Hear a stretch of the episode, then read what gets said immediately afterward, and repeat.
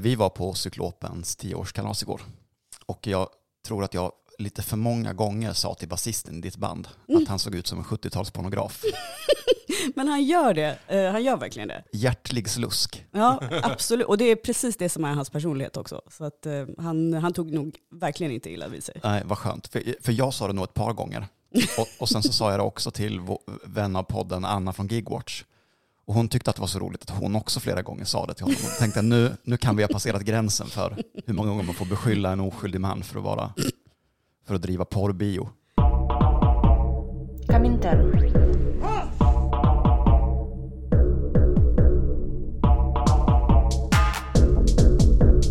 Berätta inte för mig om det svenska klassamhället. Comintern. Jag har sett det. Это Коминтерн. jag har växt upp i det. Jag hatar det. Hej och välkomna till Komintern Podcast, det sista avsnittet vi spelar in i Stockholm för den här gången. Känner du dig nöjd Gaspar? Eh, jag är väldigt nöjd. Jag tycker vi har haft, en, eh, vi har haft bra samtal med bra gäster på en bra och trivsam plats. Mm. Vi gick som sagt på fest igår, efter tre avsnitt. Och podcasting är en sysselsättning som, gör, som, som kan vara otillfredsställande. Därför att man har oerhört mycket spring i benen, för man sitter still hela tiden. Men man är helt socialt urlakad. Vilket gör en till den absolut värsta möjliga festdeltagaren. Bara springer runt i cirklar men orkar inte engagera i socialt samspel med någon överhuvudtaget. Jag tänker att vad man vill ha är någon som är lite skön tillbakalutad, men rapp i käften. Just det, trött i kroppen, pigg i huvudet. Så det var inte fallet. Eh, Men lyckligtvis faller de här avsnitten sällan bara på dig och mig. Det vore ju bedrövligt. Eh, Utan vi har gäst i vanlig ordning. Hej Rodgin. Hej! Vill du själv berätta lite vem du är? Eh, ja, eh, jag heter Rojin Pertov och eh, jag är redaktör på tidningen Galago, en serietidning och eh, ja, en satirtidskrift kan man säga.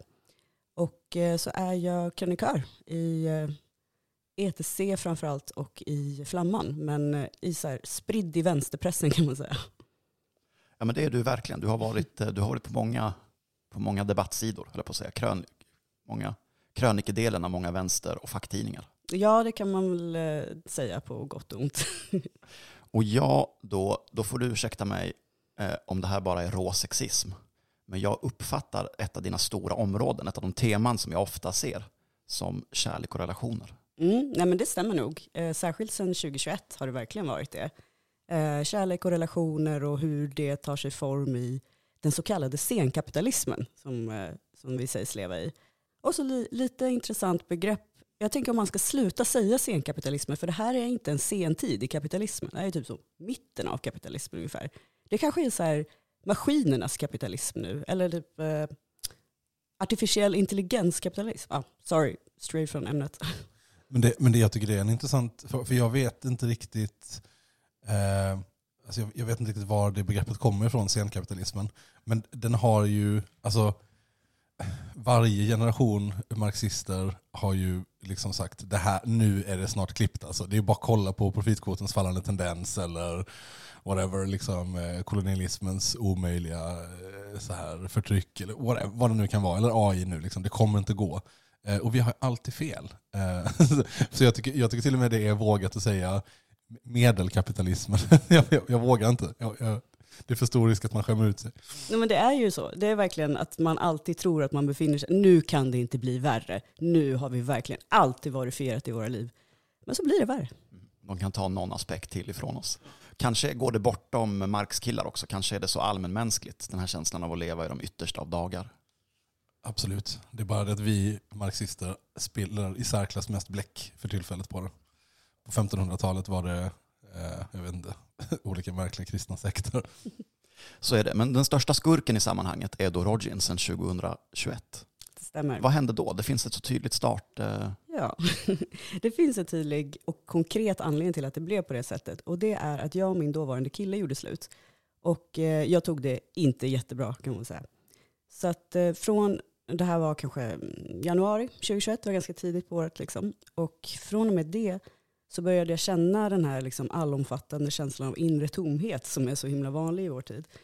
Men som liksom olika saker kan fylla för tillfället. Till exempel en relation. Nu hade vi varit ihop ganska länge förvisso.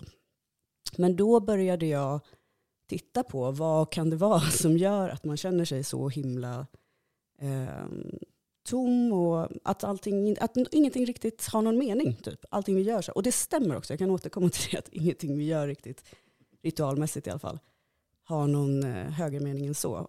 Men då, då började jag faktiskt med att läsa eh, Martin Hägglunds bok, eh, ja vad heter den? Eh, Ja, det har jag också glömt. Men han Vårt är teolog.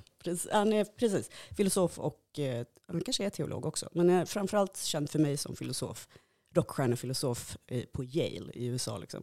Så han är inte lika känd i Sverige tydligen då. Men för den Vårt enda liv kom på engelska först. Och eh, när den kom på svenska då 2021 då var den ganska nyutgiven. Och den handlar om meningen med livet. Och man tänker så, yes, nu ska jag få svar liksom. Och den var så himla hyllad. Så läser jag inledningen, typ så här, eh, kanske 50 sidor in och bara nej, jag håller inte med. För det är nämligen grejen med eh, all typ av, liksom, den typen av filosofi i alla fall som handlar om eh, livsutblick. Att eh, man gör ett antagande och sen måste man liksom bygga upp det antagandet eller följa upp det. Men det är fortfarande bara ett antagande. Det finns liksom ingen, ingenting utöver det som backar det riktigt. Okej, då kände jag så här, då är det upp till mig som, eh, så, att ta reda på det här. Eller åtminstone fortsätta sökandet efter vad det kan vara. Och eh, uppenbarligen så var ju det ganska förknippat med just kärlek och relationer. För mig just då i alla fall. Och då hittade jag till sociologen Eva Illouz via eh, serietecknaren Liv Strömquist då förstås, som alla andra hittade till Eva Illouz via.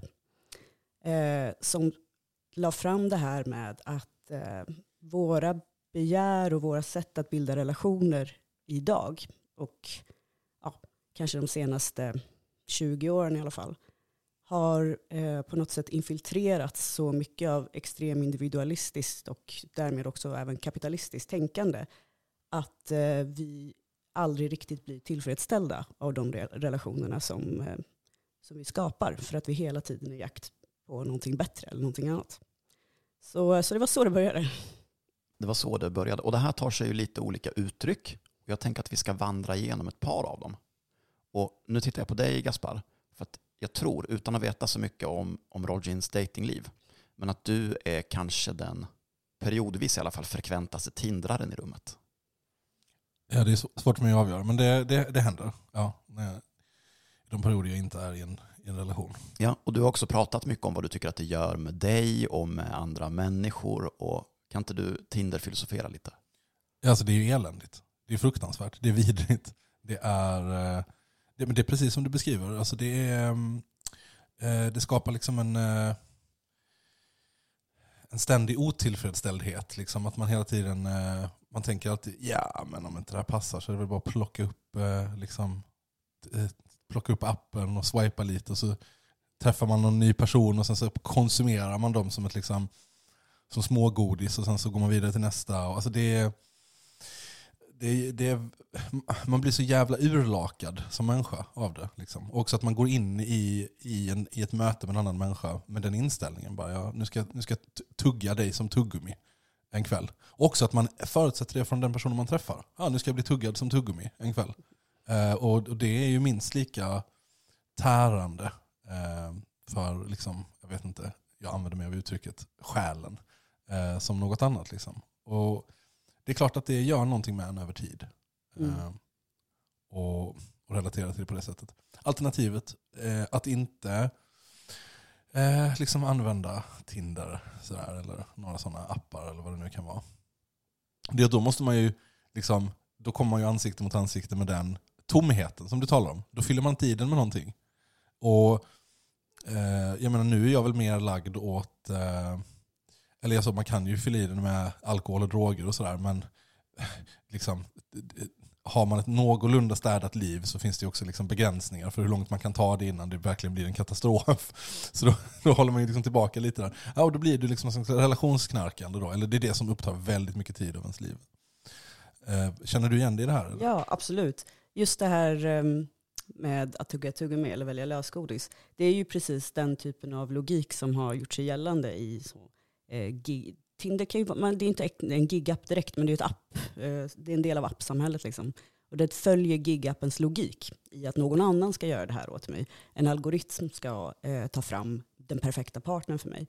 Eh, det är liksom endemiskt för så gigapp-samhället att någon annan ska hämta mitt skräp, någon annan ska leverera ett paket från Apotea i mitt tidningsfack. Liksom. Eh, någon annan ska leverera min mat och någon annan ska också fixa min relation eller liksom hitta någon åt mig. Typ som eh, program som Gift vid första ögonkastet är också den typen av grej. Att så här, expertsamhällets algoritm eller eh, en jury eller vad det kan vara liksom, ska ta fram det bästa alternativet. Eh, men just det här att det har blivit som en shoppinglogik, liksom, särskilt i Tinder, att man är så, nu ska jag shoppa efter ett par riktigt bra byxor.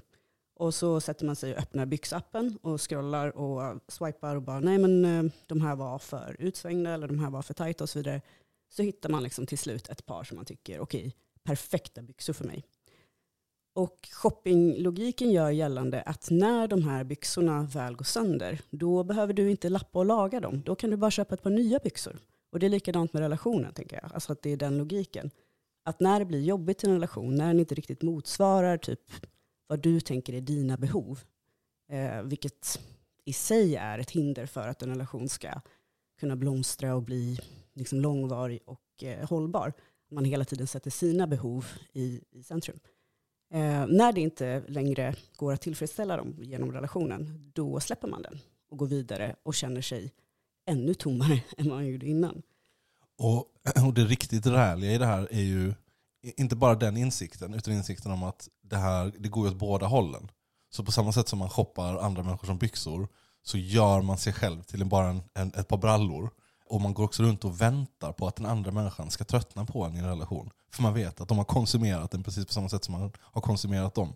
Och det blir så otroligt fattigt och skört om man inte lyckas tränga igenom det på något sätt. Och det är en sån eh, enorm viljehandling. Att, man så här, att, att ruska människan man är i en relation med och säga Jag är en människa, se mig!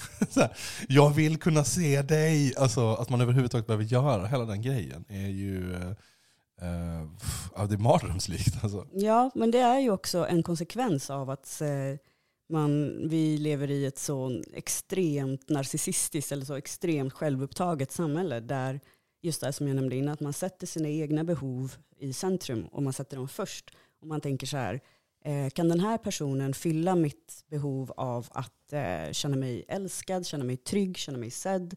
Eh, kan den fylla mitt behov av att jag gillar att hitta på saker på helgerna? Alltså alla de här, liksom, stort och smått. Det gör att man inte riktigt har plats för den andra personens liksom, personlighet eller behov för den delen. Man, har, man är uppfylld av sig själv på ett helt annat sätt. Eh, ett jättebra, jag tycker en eh, exemplifierande en bild som Liv Strömquist just la fram var så här, man tar mycket hellre en snygg selfie på sig själv än en snygg bild på någon annan idag. Och, eh, och det tyckte jag var ganska, ja men det formulerade ganska väl liksom vad det handlar om egentligen. Att eh, man sätter liksom mm, sina behov före någon annans behov och därför kan man inte bli uppfylld av någon annan. Och därför så kan inte den där allomfattande, liksom, eh, djuplodande känslan av kärlek infinna sig riktigt. Och dessutom så är väl apparna, jag har bara sett Tinder av, av floran av datingappar, men det är ju också förljuget. Alltså, poängen är ju inte att vi ska hitta vår livskärlek, utan att vi ska fortsätta konsumera ansikten och chattar. Ja, för att alltså, Tinder är ju inte en, en love matchmaking app, utan det är ju precis som alla andra appar en reklamplattform. Det är en commercial delivery eh, liksom, eh, plattform. Så att, eh, det, poängen är ju inte att det ska eh, liksom, konsumeras, eller att någon ska bli förälskad egentligen. Eller man ska bara bli tillräckligt mycket för att, för att fastna kvar. Liksom. Man ska bara, löftet om det ska finnas tillräckligt mycket för att det ska, man ska fortsätta. Och det är ju såklart, eh, vad heter det, det går ju rakt i motsats till allt vad som krävs för att bygga en fin och kärleksfull och långvarig eh, relation till en annan människa. Mm. Det är intressant att du nämner gift vid första ögonkastet, tycker jag. Därför att jag har såklart som många andra roat mig med tanken på att själv vara med i någonting sånt. Som ett tankeexperiment bara. Men också fundera på vilka jag känner som skulle göra sig bäst i dating-tv. Och Gaspar är ju självklar etta där. Därför att du är så otroligt hängiven. Du skulle ju gå in i programmet med sån sval, ironisk inställning. Liksom. Två avsnitt in så sitter du och gråter hos terapeuten liksom, och, och berättar att du vill, älskar den här personen så mycket och du är beredd att göra vad som helst för att det ska bli livslång kärlek. Ja, ja det, så är det. För att jag, jag, vet, men jag, för jag tänker mycket på, jag menar, när, eh, alltså, eh, mm, hur ska jag tycka det här? Så att det inte blir, eh, blir förmätet på något sätt. Men alltså om man är så här, för jag tänker mycket på det liksom lite från andra hållet. Alltså, hur försöker man skapa en relation med någon som har, som du säger, så här, sätter sina egna behov i första rummet hela tiden och aldrig är intresserad av vad den andra gör och bla bla bla. bla. Liksom. Eh, för det, så, bevisligen så kan ju inte alla funka så, för då hade ju inga relationer kunnat existera överhuvudtaget. Utan det blir ju alltid en sån slags sån weird... Alltså det blir liksom en förhandling där någon vinner. Alltså någon, någon lägger undan sina begär för att den andra ska kunna leva. Äh, Fattar du Mm. vad jag är ute efter? Liksom? Ehm, och där finns, det är ju superkärnat såklart. Liksom. Det är ju alltså, jättemycket av Ja, men jag tänker jättemycket av vad Liv Liv Strömquist som, som har skrivit om och så här handlar ju om just den dynamiken. Liksom. Ehm, och jag tänker mycket på vad, vad, vad man blir för sorts människa när man, när, man, när man börjar tänka på sig själv som en vara som ska konsumeras. Liksom. Mm. Vad gör det med? Inte bara, inte bara det oreflekterade när man själv behandlar andra som varor, det är ju dåligt också. Men, men också vad, vad är de undermedvetna mekanismerna när man själv börjar tänka på sig själv? Att man blir betraktad som en vara och hanterad som en vara. Liksom. Vad gör det med en över tid? Mm. Ja, men man, eh, att man jobbar på sig själv så att säga. Det som är så him som var så här jätte, jättestort i, ja, men, ja, igen, kanske 20 år. Liksom. Självhjälp och så personlig utveckling och hela den här. Det är ju typ det. Att man Ja, betraktar just det. Ja, ja, ja. Eh, att man ska bli en så himla, man ska bli det bästa jaget man kan vara. Och gärna lite bättre än det också. Det är liksom att man eh, i, i sin essens, att man gör sig själv till någonting konsumerbart. Och det är ju jättespännande att säga det, eh, eh, för att det är ju en sån klassisk grej man skriver på Tinder. Du ska vilja jobba på dig själv. För det, vad man säger då är ju, jag vill inte att du... Alltså du måste kunna fortsätta vara en attraktiv vara. Liksom. Du måste fortsätta att vara konsumerbar över tid. Annars kommer jag tröttna. Liksom. Det är kanske därför den meningen ofta känns så hotfull på något sätt. Alltså utan att man kan sätta fingret på varför. För den människan egentligen säger det, du ska inte tro att du kan slappna av. Jag kommer fortsätta titta runt i shoppinggallerian. Och om inte du fortsätter att er, liksom så här, pumpa ut bra erbjudanden och schyssta produkter, fuck off. Liksom. Det är, ja, jag, köper, jag köper det rakt av. Comintern. Eh, Det finns ju en sägelse som har gått runt mycket, jag vet inte om det är så här, mycket bland tjejer som dejtar typ. Alltså alla borde testa att gå i terapi. Och så bara, varför ska alla testa att gå i terapi? Är alla psykiskt sjuka eller? För det är det terapi är till för nämligen. Det är inte till för att så här, jobba på sig själv eller bli bättre på att vara så här, emotionellt tillgänglig i relationer. Det är inte en psykisk sjukdom nämligen. Utan det är bara så här, du är lite osoft kanske om du inte är tillgänglig i relationer så.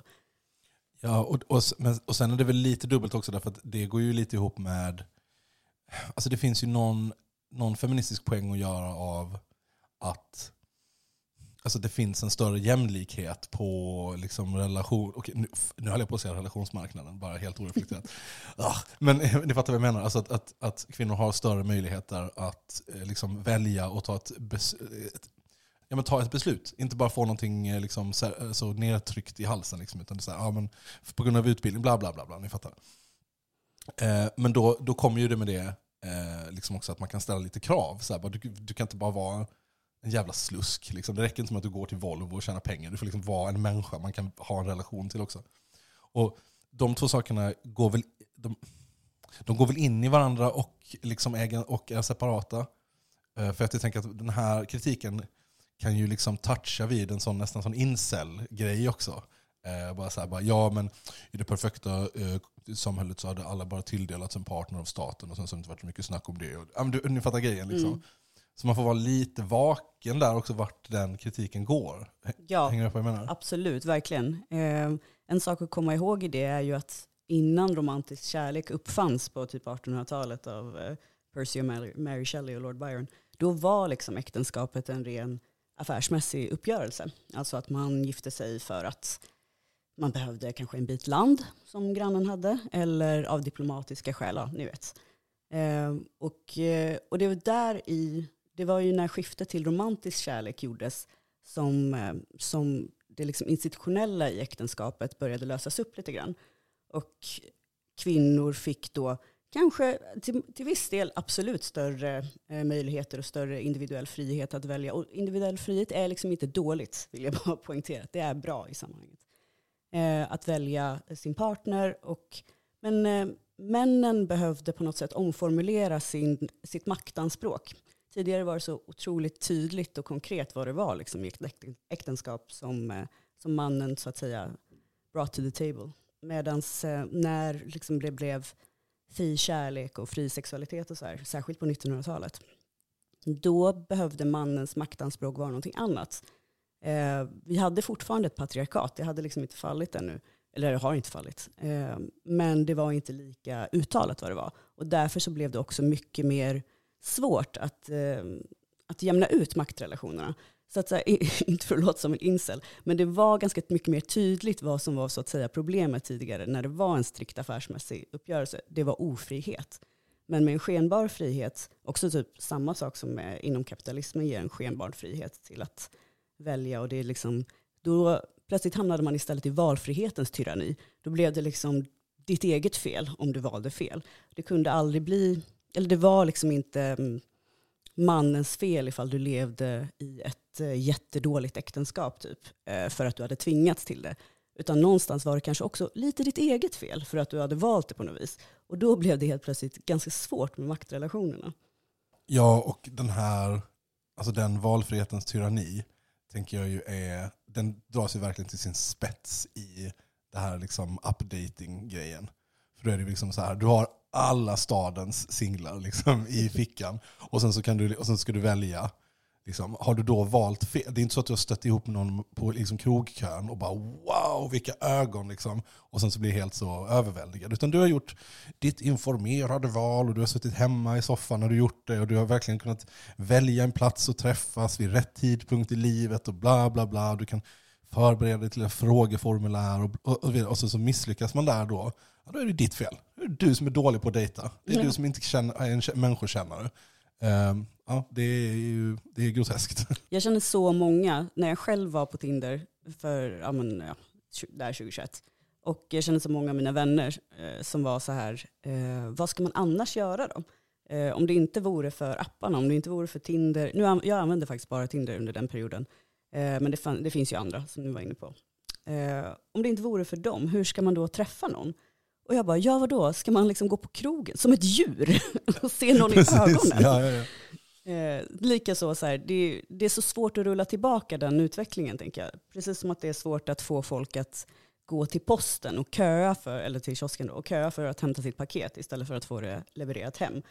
Stå i kö som en vilde. Ja, jo så är det ju verkligen att den att marknadslogiken nu har spilt över hela kärleksmarknaden då, om det är en kall observation bara, att det är precis det det är. Det är ju knappast så att raggarna på krogen, är, att, att den, den marknadslogiken finns bara i appen och så är raggarna på krogen på något sätt mer genuina, utan de står ju också och tittar på. De swipar ansikten i, i huvudet istället. Ja, jag läste någonstans, fan minns jag inte vad det var, ber om ursäkt, men att eh, raggandet på krogen eh, upplevs ha minskat bland liksom, alltså, yngre folk, typ så här, mellan 20 och 25 typ. Att ehm, Är de inte bara mindre på krogen? Nej, men mindre överallt, liksom, precis. Att eh, man såg inte krogen längre som en möjlighet att träffa någon och liksom, men ragga på den så. Utan eh, krogen var någonting man gjorde med de polarna man redan har. Och ut och dricker öl och, och sen går man hem till sig eller med någon man känner i alla fall. Som var med i sällskapet från början. Medan för äldre generationer har det varit mycket mer liksom, eh, det man kan göra på krogen har varit mycket mer diversifierat om man säger så. Det har funnits, eh, det har varit liksom möjligheternas arena på ett annat sätt än vad det är idag. Eh, undrar om detta var någonting jag läste i Aftonbladet. Ja, det var en tidning i alla fall. Men här är också en sån dubbel grej. Att det är klart att en, eh, alltså, det är, det är mycket bättre om folk kan gå på krogen utan att bli så här antastade och det kommer något, något fyllo och så här, hur är det med dig? Liksom så här. Det, är, det, är en, det är en bättre upplevelse och det är trevligare om det inte är socialt accepterat. Men, men det är också, liksom, det är också tråkigt om, om eh, liksom de sociala möjligheterna krymper på en plats. Alltså, jag vet inte, och det, och det, här, och det här är väl liksom, det hör väl ihop med vad vi har talat om, eller så här sporadiskt i den här podden om liksom det här atomiserandet av samhället. Att allting bryts upp i mindre och mindre beståndsdelar. När man går in på, på sin favoritkrog så är man inte längre en del av kollektivet, vi som sitter och hänger på den här schyssta krogen och man kan prata med vem som helst. Utan nu är man nere på det här, mina tre kompisar som sitter vid mitt bord här. Vi, det är bara vi som gäller och sen får jag säga hej till bartendern. Liksom. Och att allting bara, alla arenor av livet bara krymper ner och beskärs i mindre och mindre och mindre liksom beståndsdelar. Mm, exakt. Eh, det är ju det- en, samma typ av extrem individualism som leder till att man sätter sig själv och sina behov först, eller man ser bara sig själv, eller helst ser det. Um, precis, det är som du sa i början, det är en bra sak också, att det inte längre är en köttsmarknad liksom, marknad på krogen. Att man kan gå och liksom, ah, hur ser den här hästens tänder ut? Och liksom, eh, tycka att man har rätt till utrymmet där. Eh, det är liksom inte odelat negativt att det har försvunnit lite grann. Men eh, grejen med just det här atomis eh, atomiserandet av samhället och den extrema individualismen är ju som du är inne på att individen drar sig tillbaka från eh, en samhällelig eller social gemenskap och eh, till slut så leder det till social isolering. Liksom. Eller, eh, ni vet den här liberala eh, Alexis de Tocqueville, 1800-talsfilosof, eh, abolitionist, eh, fransman. Han som var så superliberal, verkligen älskade den fria marknadens osynliga hand och så vidare.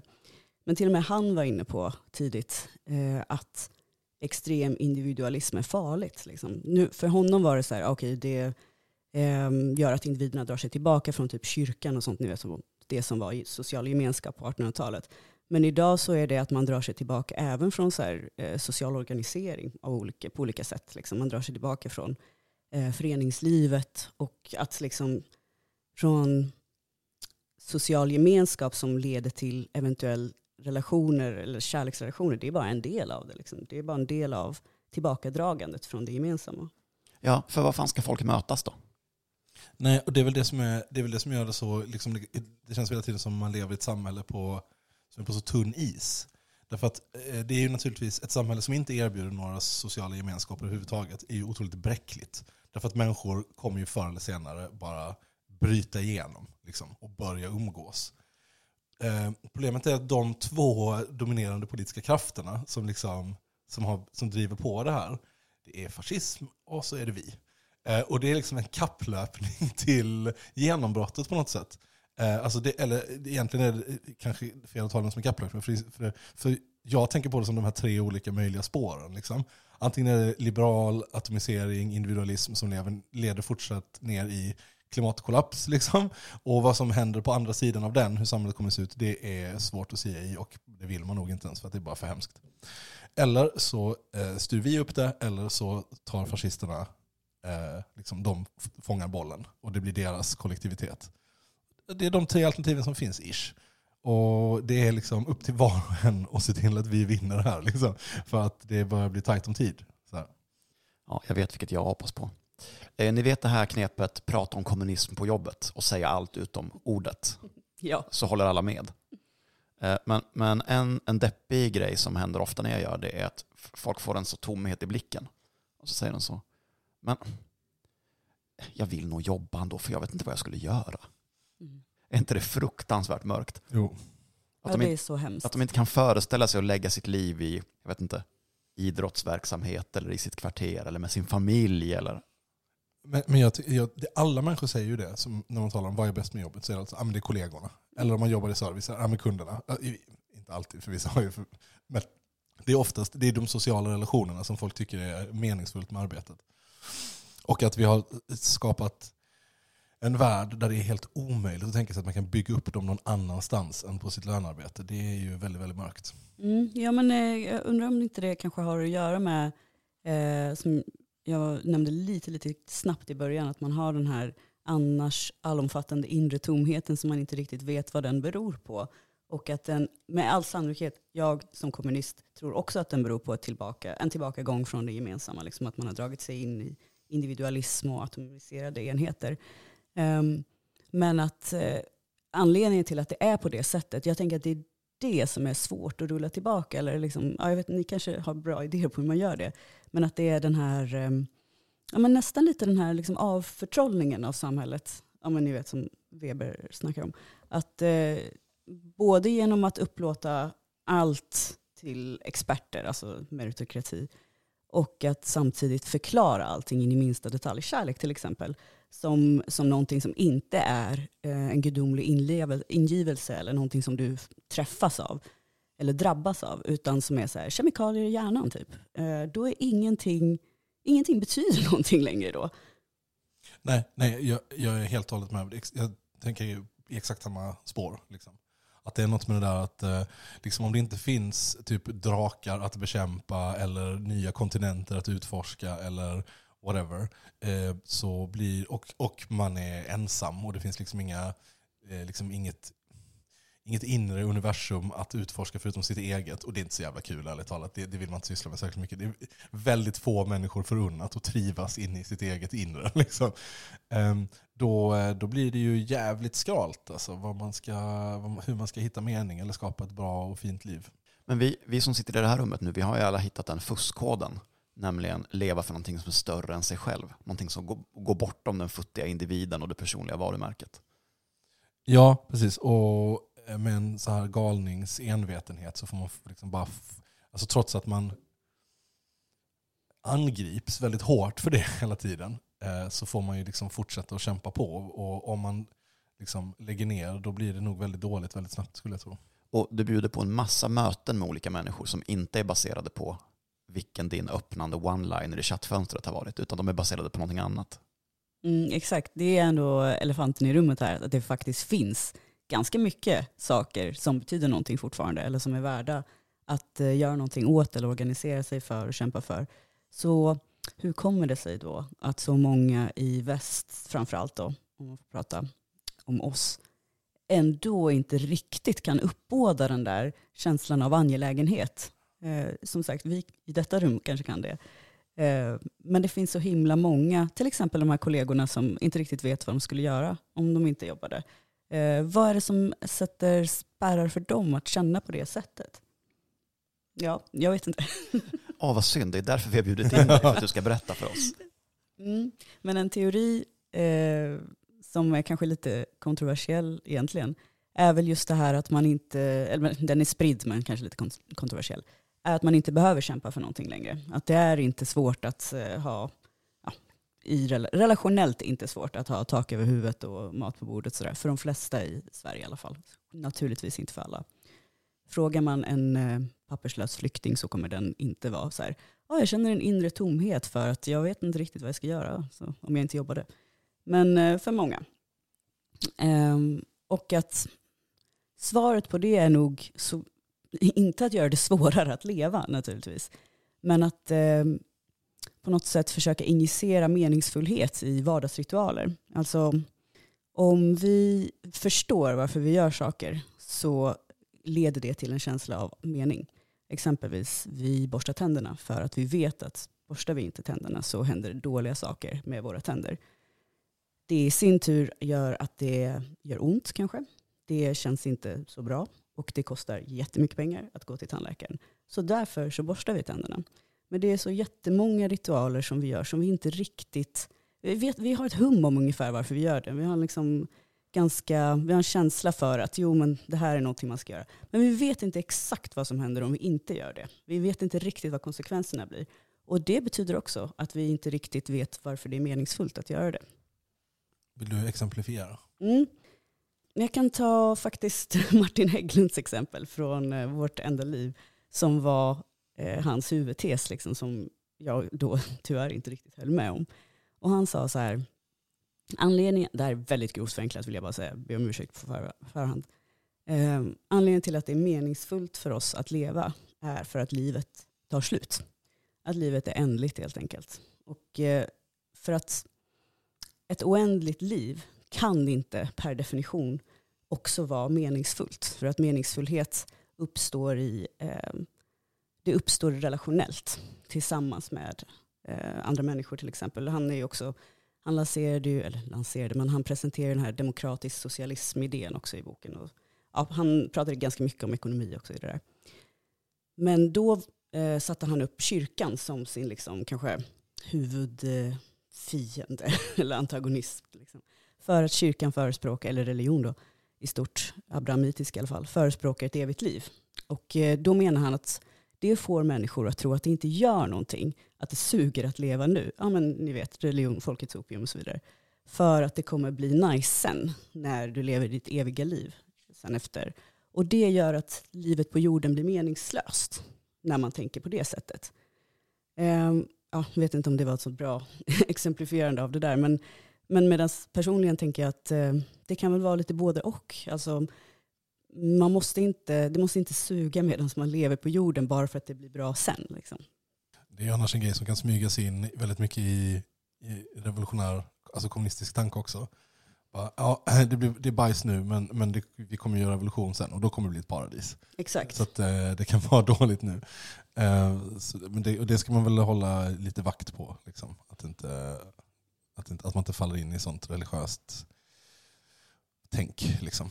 Ja, det, det måste ju vara okej att det saker känns dåligt liksom, ett tag. Det, det måste man liksom, så är det bara att leva. Eh, både på ett personligt plan men också kanske i en övergångsfas i ett politiskt skede. Eller så här, liksom. Och det, det tycker jag att eh, det är okej att det är så. Men som, som du var inne på, man ska liksom inte vara heller så här, eh, eller jag vet inte, det här tycker jag i alla fall, att man kan inte bara eh, hellre att vi på en gång avskaffar snuten än att vi jobbar med att de inte ska spöa ungdomar i förorterna först. Liksom lite så, fattar ni vad jag menar?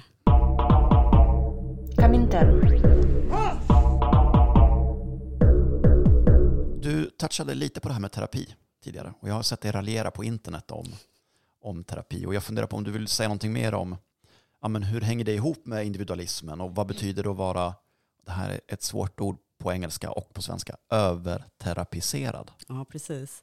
Eh, jo men eh, verkligen. Jag, jag har gått från att eh, känna att terapi är väl, ja, någonting som finns i samhället och helt okej, eller vad ska man säga, inte haft någon riktig åsikt om det.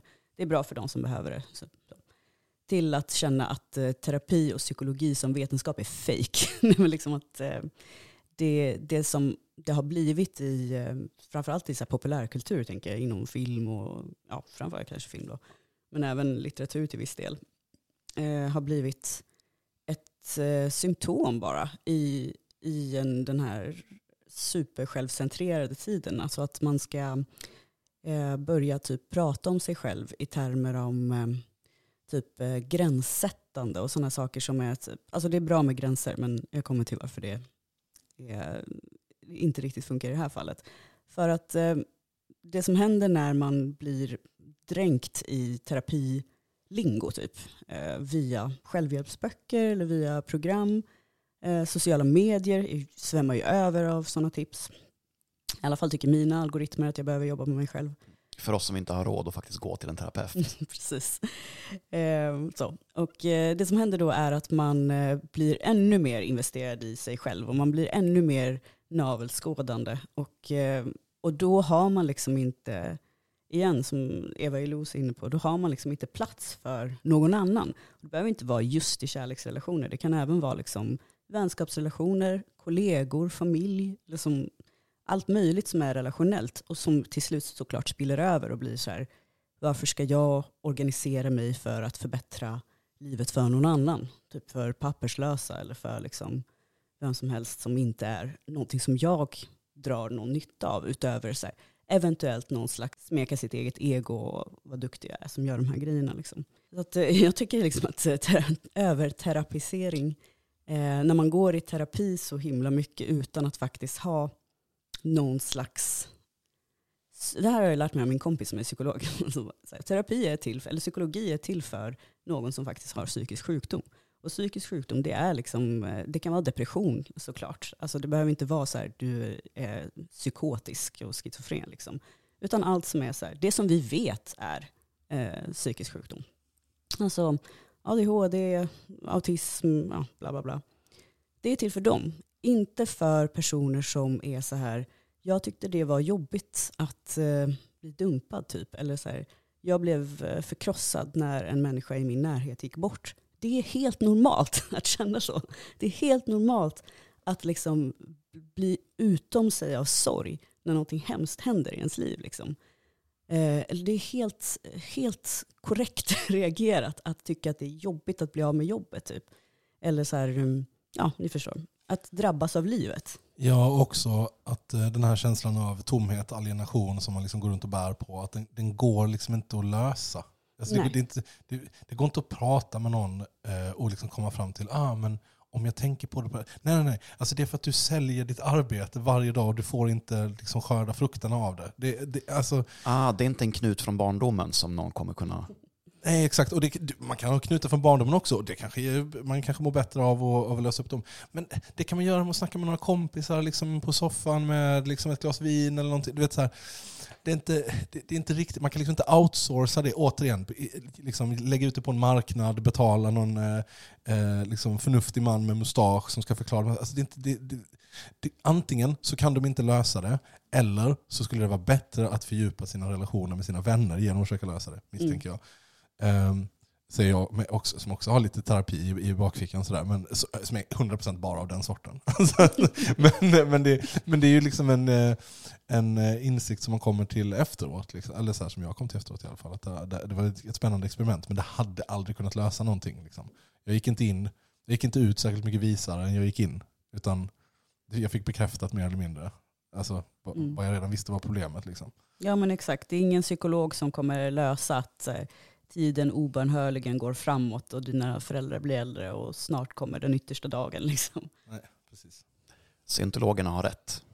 Det ni säger. Det är det vi säger. Terapeuterna Det är är det. vår fiende. Ja. Det stämmer.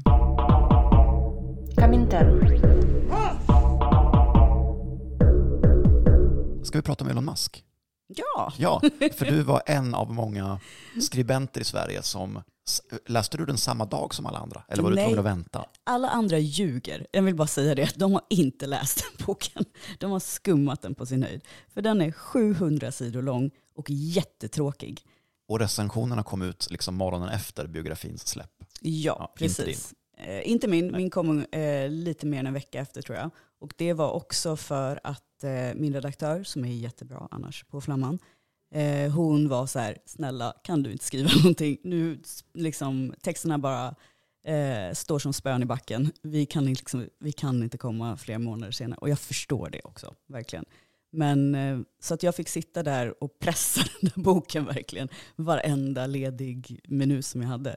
Och som sagt, jättelång bok, jättetråkig bok. Och eh, framförallt en så här, det framkommer ju ingenting nytt. Alltså har man varit på, på Twitter den, det senaste året, eller sedan oktober 2022, eh, ja det är det senaste året, då vet man redan allt det här om Elon Musk. Man vet att han är en empatistörd galning. Liksom. Man vet att han, han, är, han älskar på något sätt att yngla av sig. Eller han älskar att ha jättemånga barn. Typ så här. Det är en stor grej i hans liv. Att han är någon så apartheid-släkt liksom från Sydafrika. Alltså allt de här, alla de här grejerna vet man. Men någonting som, eh, och att han har en psykopatisk relation såklart till sina företag. Men någonting som ändå var ganska, intressant, eller någonting som framstod i boken utan att de behövde säga det rakt ut, men som är någonting man verkligen kunde ta med sig. Det är att eh, Elon Musk är liksom en så jätte... Han, han vill verkligen bli älskad på... Alltså det förstår man, det vill alla liksom, eh, Silicon Valley eh, lords. Men, eh, men han vill verkligen bli älskad men vet inte hur man gör för att bli älskad. Liksom. Och det, det är ganska intressant i, tänker jag, i relation till det vi har pratat om. Alltså kärlek som marknad och kärlek som företag, så som han tänker på det till exempel. Och eh, barn som företag, eller? Mm, Jag hänger inte riktigt med i hans liv, men det är väldigt mycket barn. mm. Eh, jag tror att han är uppe i el- mellan 11 och 15 barn som man känner till. I alla fall.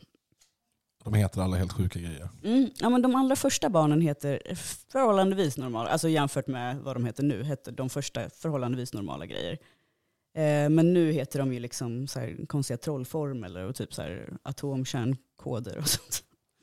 Men alltså man undrar ju hur det kommer bli för de stackarna när de växer upp. Alltså det kommer ju inte bli bra. Nej. Det, det kommer bli riktigt, riktigt tokigt. Eh, och det bästa man kan hoppas på är ju att man glömmer bort dem och sen som 20 år så slår man upp en tidning och sen så är det så eh, DeLorean XI 15212.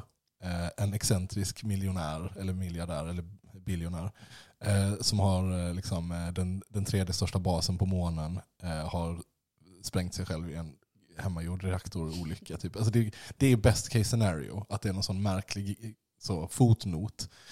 Men worst case är naturligtvis att, eh, att de faktiskt försöker få så här politiskt inflytande och försöker förändra världen på något sätt. Och det kommer ju sluta i katastrof. Ja, det är ju på något sätt eh, idag integrerat i att ha mycket pengar, att man också har politiskt inflytande, tyvärr. Så man får, man får hoppas att eh, de, precis, antingen det första som du nämnde, att det händer någon eh, freak accident typ, hemskt och, ja men ändå. Eh, eller att de blir så här, äh, jätte, att de luspankar verkligen, att så alla deras pengar försvinner. Just det, de försnillar alla stål, eller allting bara, Ja. de är bara värdelösa. Ja, det har också ganska. Exakt, Ja. de är bara värdelösa. Som vi, de är bara vanliga tjommar nu. Men- Ja, precis. Men är det barn med surrogat? Och det, och det säger jag medveten om att alla kvinnor i Elon Musks ögon antagligen bara är, är, är potentiella eh, kärl för hans fortplantning. Men, men i ordets liksom bokstavliga bemärkelse. Mm, hans senaste barn med, eh, med artisten Grimes, eh, de två senaste, är surrogat. Några barn, eller hans tidiga barn som han hade med sina två första fruar, de är, eh, mig veterligen så födde kvinnorna dessa barn som han var ihop med. Liksom. Men sen så har han med all sannolikhet andra barn via surrogat också.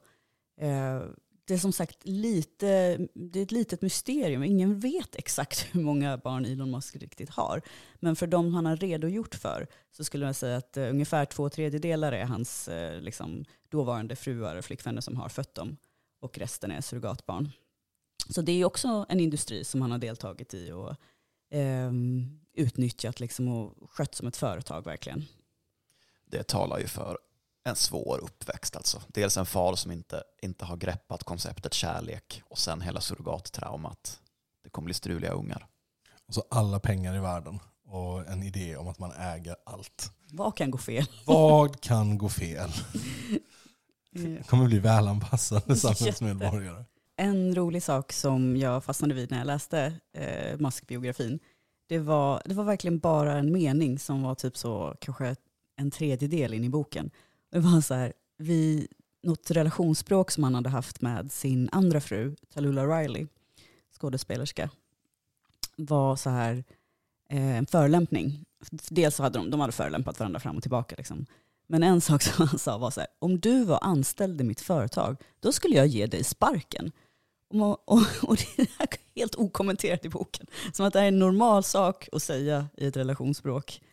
Eh, och det, det var väldigt, jag tycker det var summerande för Elon Musks syn på, på livet, på kärleken, på relationer, på företag. Frågan är åt vilket håll det är obehagligast. Att han ser sina partner som eh, på något sätt anställda i Elon Musk Liv AB. Eller att han ser sina anställda som på något sätt partners i hans eh, liksom, förlängda kärleksliv, eh, företagsvärlden. Förstår ni vad jag menar? Ja, precis. Jag vet inte åt vilket håll det är värst. Alltså det, det, båda är otroligt mörka visioner av eh, liksom ett samhälle. Mm. Men det knyter an fint till det vi konstaterade om Tinder. Alltså att, den här, att, att det finns så himla många som väntar i appen. Att det går att byta när som helst.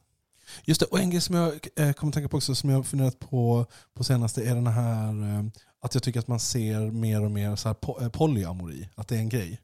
Eh, och att jag är så kluven till hela det konceptet. Alltså inte, eh, eh, strunt samma liksom vad min liksom, personliga, hur bra jag skulle passa in en och jada, jada, det är ganska ointressant. Men vad jag menar är att det, det bär på samma alltså, tveeggade dubbelhet som vi talade om tidigare. Att å ena sidan så är det så här, ja men det är klart att, eh, liksom, att den sortens monogama relationer vi har nu bara är sociala konstruktioner och de skulle man kunna liksom, de, de känner inget syfte egentligen, de kan man bryta ner, bla bla bla bla, bla fri kärlek, und so weiter, und så weiter, und so.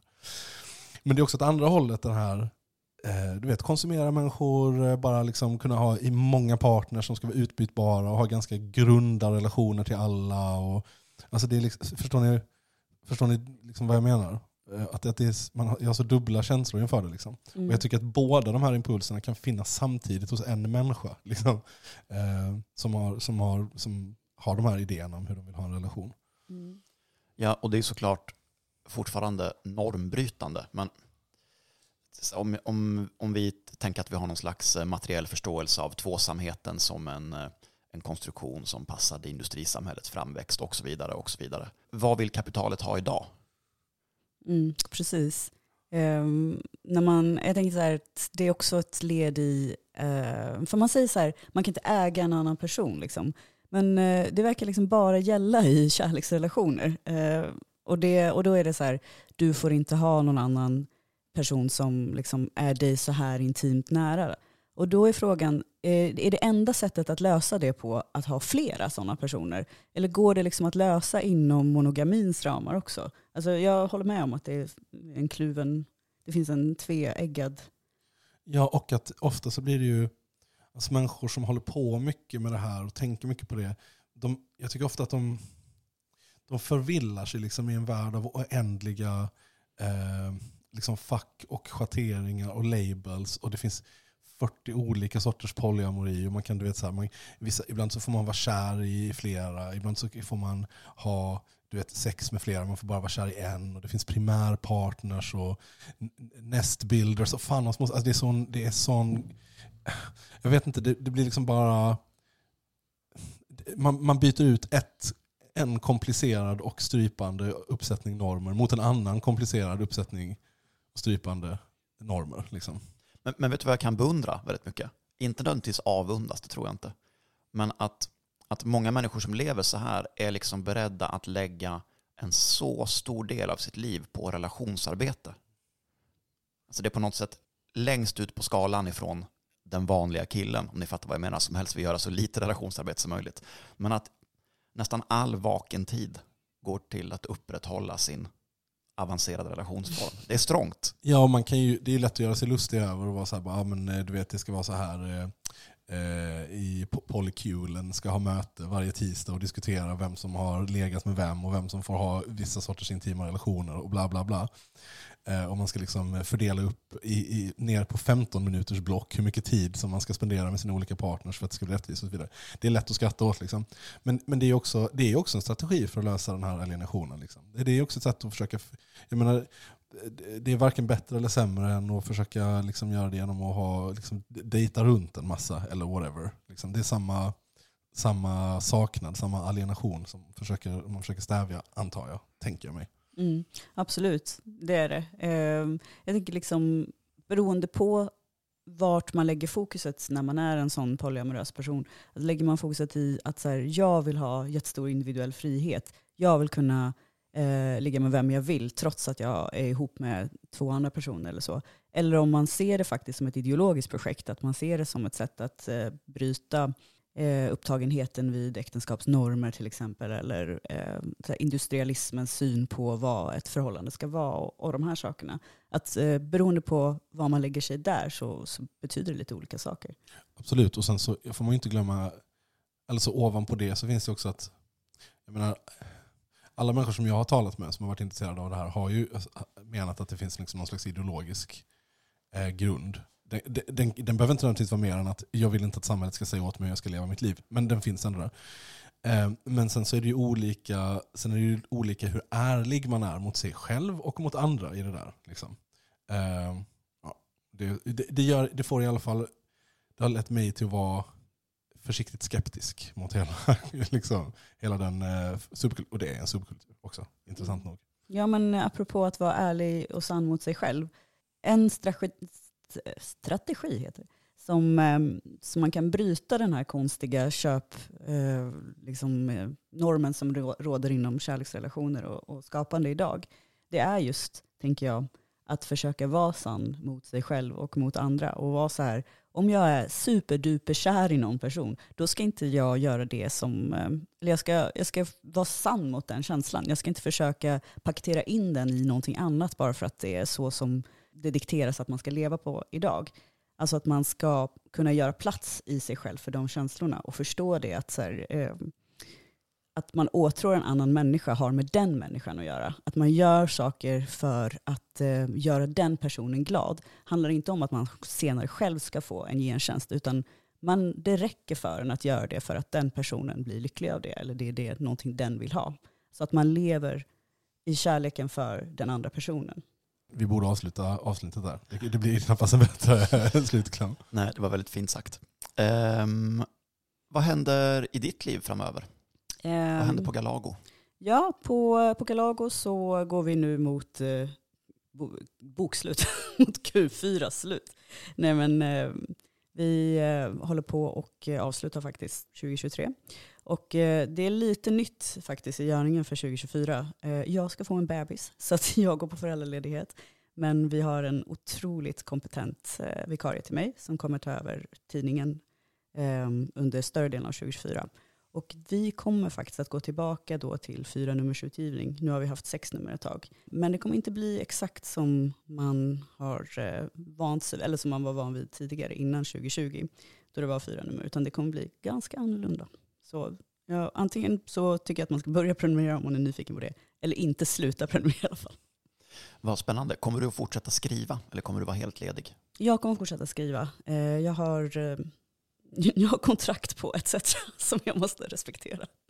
Eh, Men ja, jag kommer också vilja fortsätta skriva säkert. Så att det är dit man får vända sig om man nu suktar efter fler heta takes. Ja. Tack så hemskt mycket för att du släpade dig hit. Mm, Tack själva för att jag fick vara med. Jätteroligt. Ja, tusen tack, verkligen. Ja, tack Stockholm.